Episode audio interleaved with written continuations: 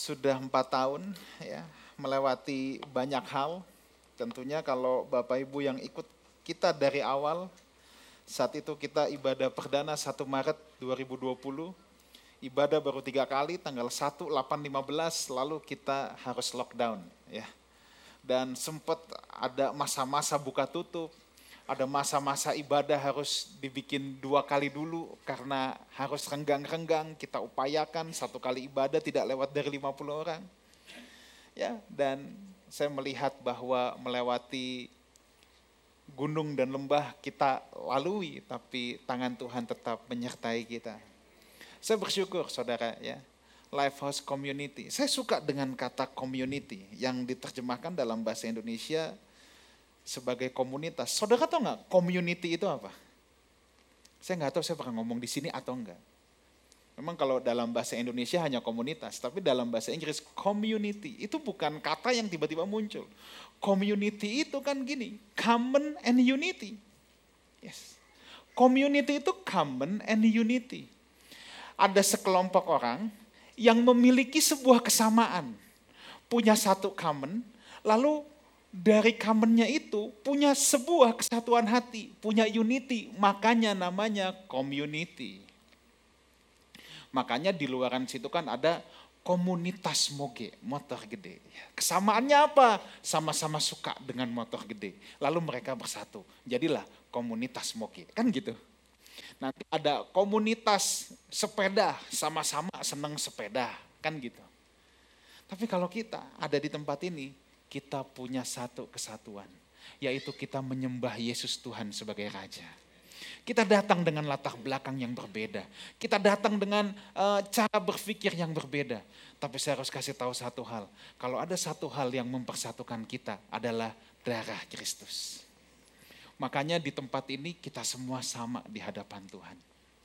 Tuhan menebus saya, menebus Bapak Ibu Saudara, nilai kita sama, nilai kita darah Kristus. Tidak ada satu orang pun yang ditebus dengan keringat Yesus, ludah Yesus, nggak ada, semua kita darah. Makanya orang yang menganggap rendah orang lain, orang yang menganggap remeh orang lain, sebenarnya dia menghina darah Yesus. Sebab setiap kita dibeli dengan nilai yang sama, yaitu nilai sebuah darah. Kita itu punya satu kesamaan, satu common kita. Menyembah Yesus sebagai Raja. Dan saudara dan saya ditebus dengan darahnya.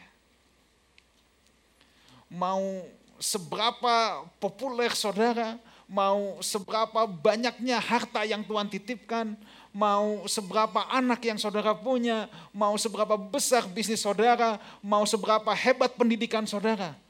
Tapi dengar, di tempat ini kita punya satu kesamaan. Darah Kristus yang menebus kita, kita sama-sama mengabdi kepada Yesus, Tuhan dan Juru Selamat kita. Itulah yang mempersatukan kita. Jadi yang mempersatukan kita di tempat ini bukan karena hobi kita sama, ya, bukan karena selera kita sama, enggak. Yang mempersatukan kita itu Yesus Tuhan. Dan kalau saya flashback empat tahun ke belakang, kenapa Lifehouse berdiri? Ini yang saya percayai. Lifehouse ada karena Tuhan memanggil. Lifehouse ada karena Tuhan memanggil kita. Bukan satu kebetulan. Lifehouse berada di kota Jakarta. Kenapa Lifehouse tidak ada di Jayapura? Kenapa Lifehouse yang ini adanya di Jakarta? Saya percaya Tuhan memanggil kita untuk kota ini. Dan bukan satu kebetulan juga. Tuhan panggil kita untuk ada di Jakarta Barat. Sebab begini, Tuhan kalau kita lihat dalam Alkitab, Tuhan selalu memulai segala sesuatu dengan panggilan. Tuhan panggil Adam sejak ada di Taman Eden. Tuhan panggil Nuh, Tuhan panggil Abraham. Tuhan selalu memulai segala sesuatu dengan ini, dengan panggilan. Makanya Mazmur 50 ayat yang ke-1, kita lihat mulai dari sini. Mazmur 50 ayat yang pertama, ya, Mazmur Asaf ini. Yang maha kuasa Tuhan Allah berfirman dan memanggil bumi. Tuhan memanggil bumi. Dari terbitnya matahari sampai pada terbenamnya.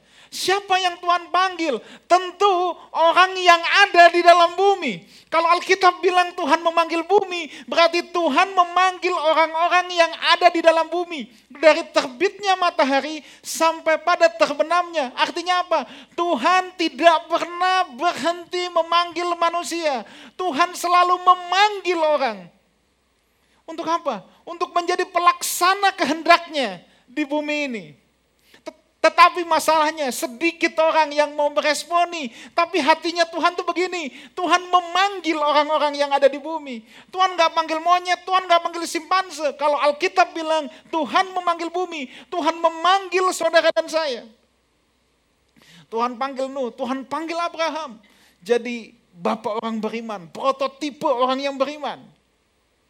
Setiap misi penyelamatan, Tuhan memanggil manusia. Manusia yang seharusnya menjadi pelaksana kehendak Tuhan di bumi karena dosa. Manusia kehilangan arah, manusia kehilangan tujuan. Dan Tuhan mau kembalikan itu. Tuhan memulainya lagi dengan panggilan kepada manusia. Makanya saya percaya begini, kalau life house boleh ada di tempat ini, ini adalah bagian dari misi penyelamatan yang Tuhan hendak kerjakan. Khususnya di kota Jakarta. Kita patut bersyukur untuk hal ini. Karena Tuhan melibatkan kita. Makanya begini saudara. Life House ada itu bukan karena kuat dan gagah satu dua orang. Tidak. Life House ada karena Tuhan memanggil.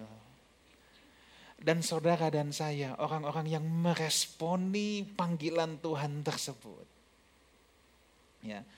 Jadi kalau kita bersyukur di empat tahun ini itu bukan Eh, selamat ulang tahun ke saya, bukan saudara ya, bukan selamat ulang tahun ke Pasuranta, ya bukan. Tapi selamat ulang tahun untuk kita semua. Apa sih yang kita rayakan? Kita masih memberikan diri kita untuk Tuhan pakai dalam misi penyelamatan yang besar ini. Bukan karena kuat gagah kita, ini yang harus selalu kita sadari. Bahwa kita ada sebagaimana kita ada itu karena kemurahan Tuhan semata, bukan karena kita hebat, karena kita gagah, enggak, enggak, enggak. Tapi karena kemurahan Tuhan saja. Tahukah saudara, Tuhan itu bisa kok kalau nggak mau pakai kita. Tuhan bisa pakai yang lain, Tuhan bisa pakai batu yang benda mati sekalipun. Kalau Tuhan mau pakai bisa. Tapi kalau Tuhan mau pakai kita, ini hal yang luar biasa. Ini privilege buat kita. Ini hal yang patut kita syukuri. Dan kita jangan menyia-nyiakan anugerah yang besar ini. Nah, pada pagi hari ini ya, ada beberapa panggilan Tuhan ya yang kita harus respon dengan benar. Sebab gini, sepanjang tahun ini apa yang Tuhan taruh di hati saya untuk disampaikan, tema besar kita adalah tentang growing, tentang kita mau bertumbuh bersama. Saya melihat bagaimana empat tahun ini kita bertumbuh bersama dalam segala aspek saudara ya. Tentu yang menjadi ukuran itu bukan jumlah, tapi saya bisa melihat bagaimana komunitas-komunitas bertumbuh ya, bagaimana kehidupan banyak saudara juga bertumbuh dalam hubungan suami istri bertumbuh, dalam pekerjaan bertumbuh, dalam pengenalan akan Tuhan bertumbuh. Oh ya, kita memang harus bertumbuh dalam segala hal ke arah Dia. Ya, makanya saudara harus tertanam untuk saudara bisa bertumbuh.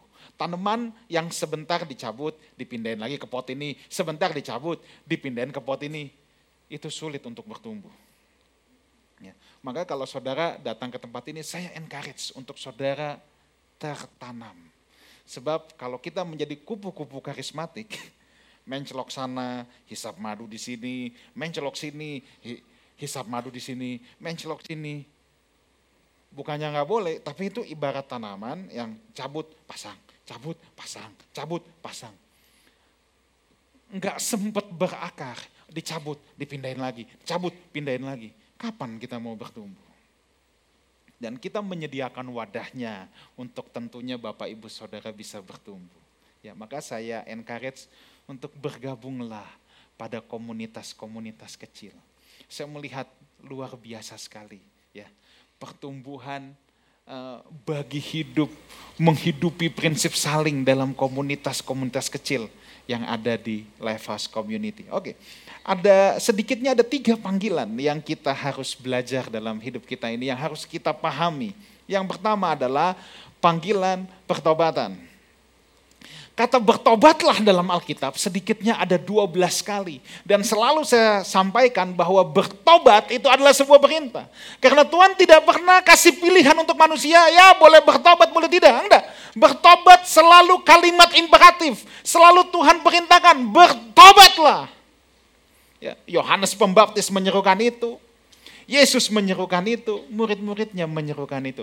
Tapi ada satu ayat yang saya mau kita buka ya saya mau coba soroti dari angle yang lain dalam panggilan pertobatan ini ada satu hal yang yang apa perlu kita amati. Kisah Rasul 3 ayat yang ke-19. Kisah Rasul 3 ayat yang ke-19. Ini adalah Petrus dan Yohanes baru saja menyembuhkan ya seorang yang lumpuh sejak lahir. Lalu mereka mulai berkhotbah di Serambi Salomo di hadapan orang-orang Yahudi. Orang-orang Yahudi pada saat itu tentunya orang-orang yang sudah mengenal siapa itu Allah Israel. Mereka belajar dari kecil. Orang-orang Yahudi itu orang-orang yang belajar sejak kecilnya. Jadi mereka itu katam sama Alkitab. Walaupun Alkitabnya saat itu Alkitab PL. Jadi khotbah Petrus ini bukan kepada orang kafir, bukan kepada orang ateis, tetapi kepada orang-orang yang sudah mengenal Elohim Yahweh. Tapi menariknya gini, Petrus bilang gini, karena itu apa? Sadarlah dan bertobatlah supaya dosamu dihapuskan. Nah, mau saudara perhatikan kata ini, Sadarlah, garis bawahi kata itu, sadarlah. Nah gini, banyak orang yang tidak bisa bertobat atau tidak mau bertobat karena dia tidak sadar. Memang hanya orang yang sadar, hanya orang yang punya kesadaran yang bisa bertobat. Dan yang mau untuk bertobat. Kesadaran ini penting saudara.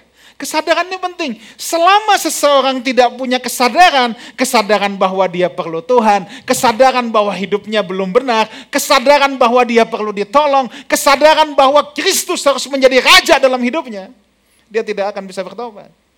Makanya orang yang merasa dirinya benar, orang yang merasa dirinya hebat, orang yang merasa dirinya superior tidak akan pernah bisa bertobat. Kesadaran itu sangat penting. Mari saya tunjukkan saudara. Waktu Adam jatuh ke, dalam dosa, apa kata-kata pertama Tuhan buat Adam? Apa? Adam, Adam. Apa? Where are you? Di manakah engkau berada? Itu kata-kata pertama loh. Tuhan tidak bilang, Adam, oi, lu udah jatuh dalam dosa. Enggak, Tuhan enggak bilang gitu. Kata-kata pertama Tuhan buat Adam, Adam, where are you? Saudara pikir ini lagi main petak umpet kah? Nah, pasti bukan kan? Adam lagi ngamen petak umpet sama Tuhan, enggak? Waktu Tuhan tanya sama Adam, Adam, where are you? Pertanyaan saya, Tuhan tahu nggak Adam di mana? Pasti tahu. Pasti tahu dong. Tapi kemudian gini, kenapa Tuhan tanya? Orang udah tahu kok. Kenapa Tuhan tanya? Nah ini dia.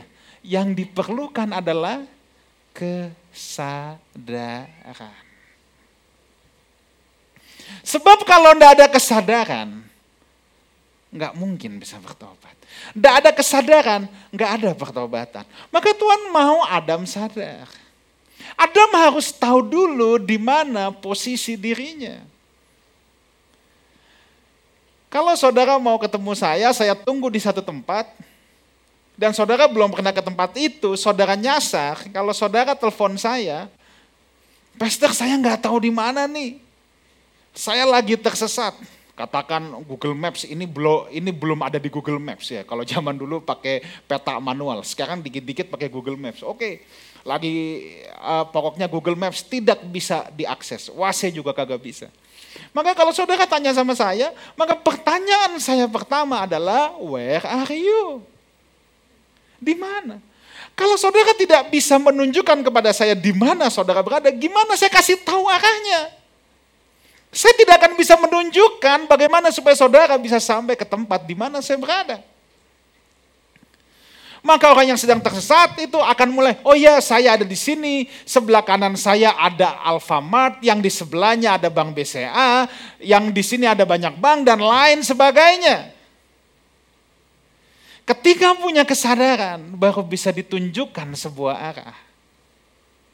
Nah persoalannya sekarang gini, ketika kita datang kepada Tuhan, kita datang beribadah, dalam kita menjalani hidup kita setiap hari, Punyakah kita kesadaran untuk kita mau bertobat setiap hari? Atau jangan-jangan setiap kita dengar firman Tuhan, kita cuma pandai colek pasangan hidup kita dan bilang, tuh pak dengar tuh, itu emang buat lu firmannya. Atau kita colek istri kita, emang itu buat lu mah. Lu kan yang paling kepala batu kan, cerewetnya setengah mati, dan lain sebagainya. Kita selalu melihat kesadaran kita itu hanya kesadaran buat orang lain.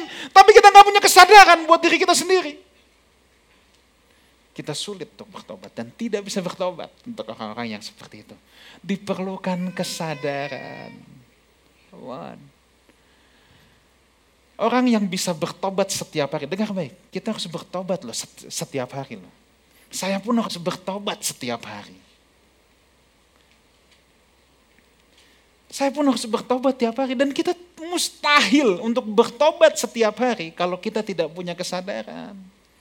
Sekali kita merasa diri kita hebat, kita merasa diri kita benar, that's it, stop. Kita sudah tidak akan bertobat lagi.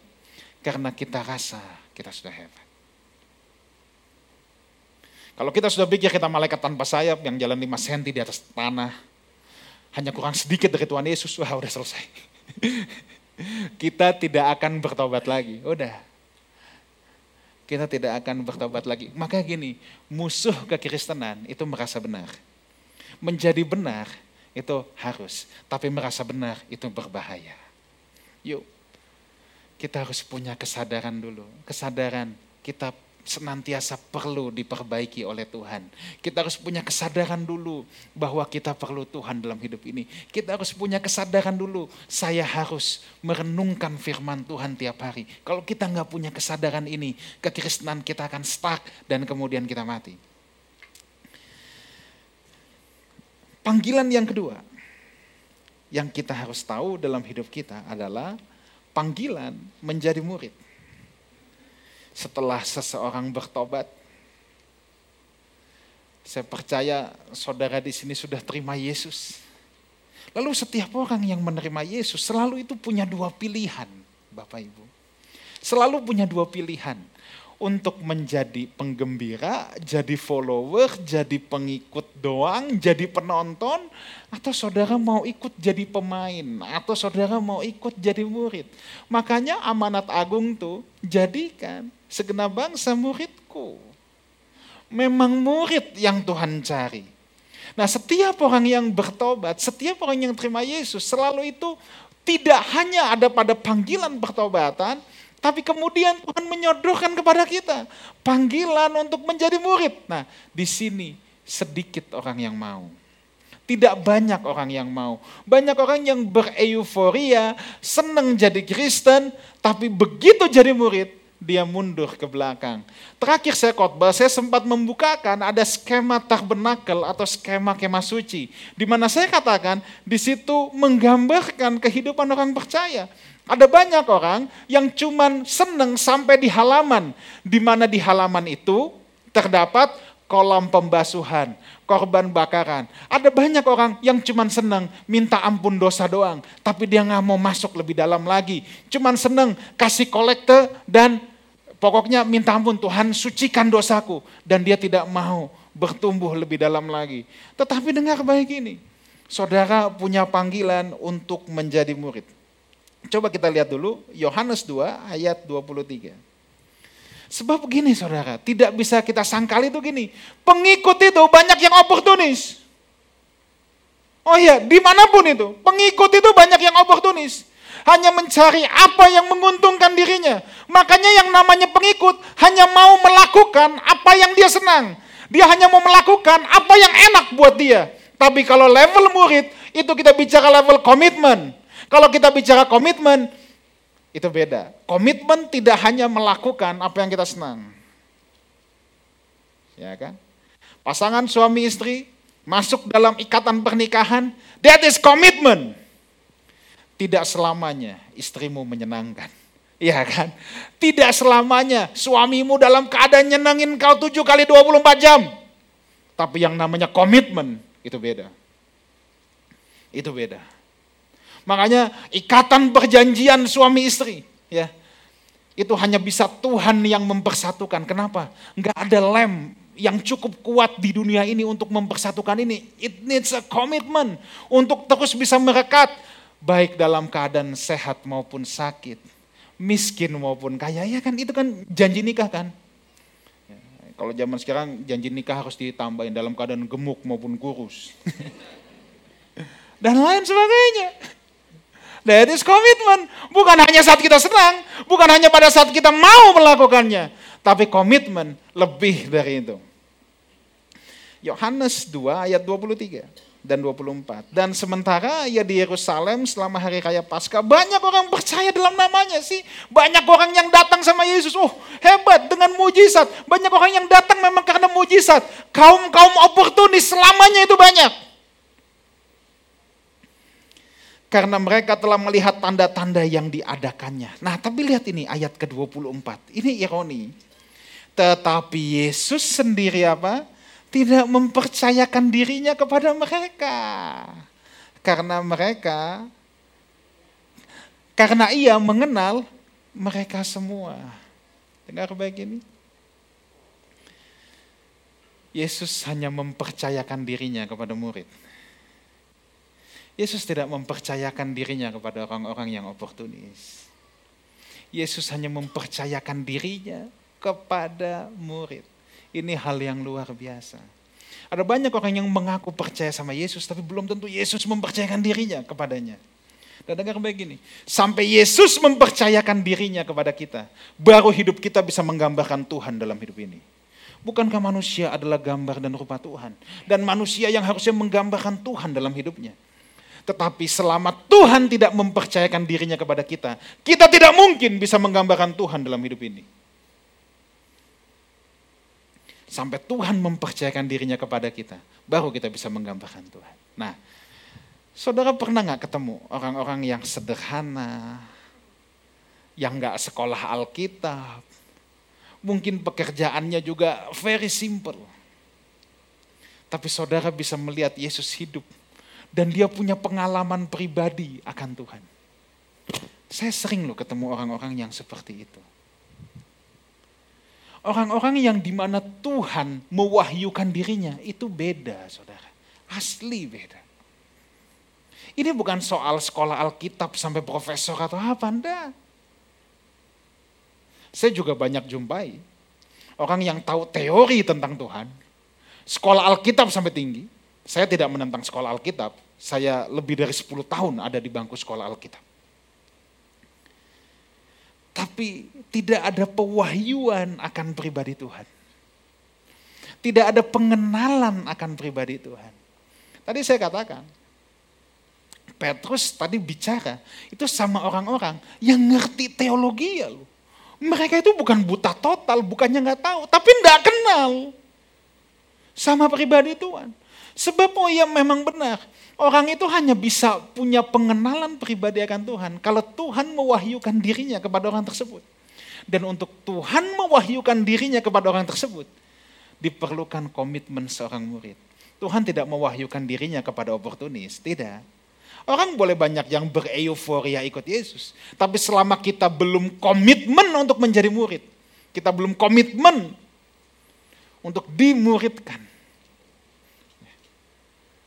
maka Tuhan tidak akan mewahyukan dirinya kepada kita. Makanya sekali lagi, komunitas sel itu tempat kita dimuridkan. Ya. Di mana gesekan bisa terjadi, dissenting opinion bisa terjadi. Ya. Banyak hal bisa terjadi, tapi di situ kita dibentuk satu sama lain dimuridkan. Itu komitmen juga untuk mau terus belajar. Kita menyediakan banyak sarana, saudara. Pagi-pagi saudara melek mata, saudara ada live message. ada life study, ada Bible study. Saya bahas mulai dari kitab Matius. Ada banyak orang yang bilang tidak ngerti kalau baca Alkitab. Oke, saya bahas pelan-pelan dari kitab Matius. Sekarang kita udah sampai di kitab kisah para rasul. Kadang-kadang satu pasal aja tiga pertemuan. Karena saya tuntun pelan-pelan. Ya. Kita ada witok, kadang-kadang ada ngobras, ngobrol santai Alkitab. Itu kitab perjanjian lama satu persatu. Kita kasih latar belakangnya. Soalnya ada yang bilang, aduh ini baca kitab Yeskiel pusing nih. Oke. Jadi semua sarana kita sediakan. Ya. Dan dalam komunitas kecil itu, lewat hidup kita, ya di situ pemindahan kehidupan. Pemuritan itu tidak cukup cuman pemindahan isi kepala, tapi harus pemindahan kehidupan. Kalau kita nggak hidup bersama dengan community, common and unity, pemindahan kehidupan tidak akan pernah terjadi. Maka saya encourage saudara juga untuk tertanam dalam komunitas. Panggilan yang ketiga, panggilan yang terakhir, panggilan untuk melayani. Yohanes 20 ayat 21. Jadi setelah panggilan untuk bertobat, kita punya panggilan untuk menjadi murid, nggak stop sampai di situ. Udah jadi murid ngapain? Panggilan untuk melayani. Kalau tiga hal ini kita jalani, kehidupan Kristen kita pasti bertumbuh. Yohanes 20 ayat 21. Maka kata Yesus sekali lagi, damai sejahtera bagi kamu, sama seperti Bapak mengutus aku, demikian juga sekarang aku mengutus kamu. Menjadi utusan Tuhan, God's ambassador adalah visi kita bersama. Sejak Life Force Community ini Tuhan panggil. Itulah pelayanan kita di bumi ini. Nah, salah satu kunci damai sejahtera kalau kita lihat damai sejahtera bagi kamu sama seperti Bapak mengutus aku. Demikian juga Bapak mengutus Yesus itu Yesus melayani dunia. Sekarang Yesus mengutus kita. Dan di situ rupanya ada kunci damai sejahtera. Siapa yang dalam hidupnya selalu khawatir, cemas terus, ketakutan terus, itu salah satu tanda tidak ada damai sejahtera dalam hidup kita. Saudara mau punya damai sejahtera dalam hidup, Tuhan kasih tahu salah satu kuncinya adalah melayani. Kenapa orang yang melayani itu dapat damai sejahtera dari Tuhan? Itu bukan saja karena dia melakukan pekerjaan Kristus. Itu betul, tapi ada sisi yang lain lagi Orang yang melayani adalah orang yang memindahkan pusat dunianya dari egonya, dari hidupnya. Sekarang pusat dunianya adalah Kristus dan sesama. Selama pusat dunia kita adalah diri kita sendiri, ego kita sendiri, yang kita pikirin hanya diri kita sendiri. Sorry ya, tidak pernah akan ada damai sejahtera dalam hidup kita. Sampai pusat dunia kita berpindah, baru ada damai sejahtera. Seorang pelayan tidak bisa pusat dunianya dirinya sendiri. Saudara pernah makan di restoran, terus saudara mau pesen ikan goreng, lalu pelayannya bilang, jangan ikan goreng pak, gak enak, saya mah sukanya ayam goreng. Langsung dipecat pelayan model gitu, ini gue yang makan atau lu yang makan? ya kan? Orang yang berani jadi pelayan itu pusat dunianya orang lain, bukan dirinya dia. It's not about not what I like, bukan soal apa yang saya suka. Tapi orang yang melayani Tuhan itu bicara tentang sekarang apa yang Tuhan suka. Orang yang siap melayani sesama adalah orang-orang yang siap mendahulukan kepentingan sesama. Makanya Tuhan bilang damai sejahtera bagi kamu. Kalau hidup kita penuh kekhawatiran, penuh ke, penuh kegelisahan, jangan-jangan selama ini yang kita pikirkan hanya diri kita sendiri doang. Dan saya harus bilang, sampai ayam tumbuh gigi. Kalau hidup kita it's only about ourselves, saudara tidak akan pernah merasa damai. Sukacita sorgawi itu tidak akan pernah ada. Nah, lebih dahsyat lagi tentang pelayanan ini saudara. Yohanes 12 ayat 26. Yohanes 12 ayat yang ke-26. Barang siapa melayani aku, ia harus mengikut aku. Dan di mana aku berada, di situ pun pelayanku berada. Mau mengikut Tuhan, jadi murid, ya harus jadi pelayannya Tuhan. Harus mengikut Tuhan. Barang siapa melayani aku, lihat ini. Ia akan apa? Dihormati Bapak. Saya baca ayat ini. Ayat ini luar biasa.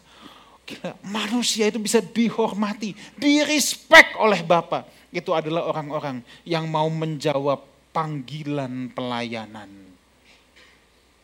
Makanya saya encourage setiap saudara terlibat dalam pelayanan. Ini bukan soal jadi aser khotbah atau nyanyi. Tapi apakah saudara mau ikut berkontribusi di dalam komunitas ini? Kontribusimu itu adalah pelayananmu. Ada orang yang bilang, gua nggak perlu ke gereja, gue melayani di luar saja. Oh ya betul. Kita itu semua punya dua panggilan, melayani di luar dan melayani di dalam. Kita harus melayani dunia. Itulah dalam profesi saudara masing-masing. Tapi saudara juga harus melayani tubuh Kristus, melayani ke dalam. Itu juga semua harus seimbang. Kita perlu menjawab panggilan melayani ini. Kenapa? Lewat panggilan melayani ini, ini adalah tempat terbaik mengikis ego kita. Tadi dikatakan ya, ia harus mengikut aku. Kata mengikut itu akoluteo. Akoluteo itu to be in the same way. Jalan Kristus, jalan salib. Jalan Kristus, jalan yang menghancurkan ego kita. Makanya kekristenan itu luar biasa. Tuhan mengajarkan yang terbesar hendaklah ia melayani. Pelayan itu, yang namanya pelayan itu nggak ada yang tempatnya tinggi. Pelayan itu selalu tempatnya di bawah. Pelayan. Makanya seberapapun hebatnya kita di luaran, masuk ke rumah Tuhan, kita pelayan. Makanya saya katakan, di sinilah tempat terbaik mengikis ego kita mengikis kesombongan kita, mengikis pride kita. Selama seseorang merasa hebat, merasa besar, merasa penting, dia nggak bisa melayani Tuhan, nggak bisa. Dan di sini tempatnya. Jadi ketika saudara di luaran, mungkin di dunia usaha, di lingkungan pergaulan, saudara mungkin orang yang sangat populer, orang yang sangat terpandang. Tapi begitu masuk sini, community, common and unity. Kita harus melepas semua kebanggaan diri, semua kesombongan-kesombongan, semua pride, semua dilepas. Karena satu common kita, nilai kita darah Kristus. Di luar sana, orang bisa menghormati saudara karena kepandaian, popularitas, dan lain sebagainya. Tapi begitu saudara masuk rumah Tuhan, nilaimu sama darah Kristus. Maka inilah jalan salib. Pelayanan itu jalan salib. Pemusik boleh maju ke depan. Pelayanan itu jalan salib, saudara. Jalan di mana kita tidak menilai orang lain dengan ukuran-ukuran manusia. Pelayanan itu tempat di mana ego kita, kesombongan kita yang harus dihancurkan terlebih dahulu. Orang yang melayani Tuhan dihormati oleh Bapa. Ya. Coba kita buka ayat terakhir Filipi 2 ayat 5 sampai 7. Saya harus berhenti di sini. Sebenarnya masih ada beberapa ayat yang saya siapkan, tapi kita berhenti di sini. Hendaklah kamu dalam hidupmu bersama menaruh pikiran dan perasaan yang terdapat juga dalam Kristus Yesus yang walaupun dalam rupa Allah tidak menganggap kesetaraan dengan Allah itu sebagai milik yang harus dipertahankan.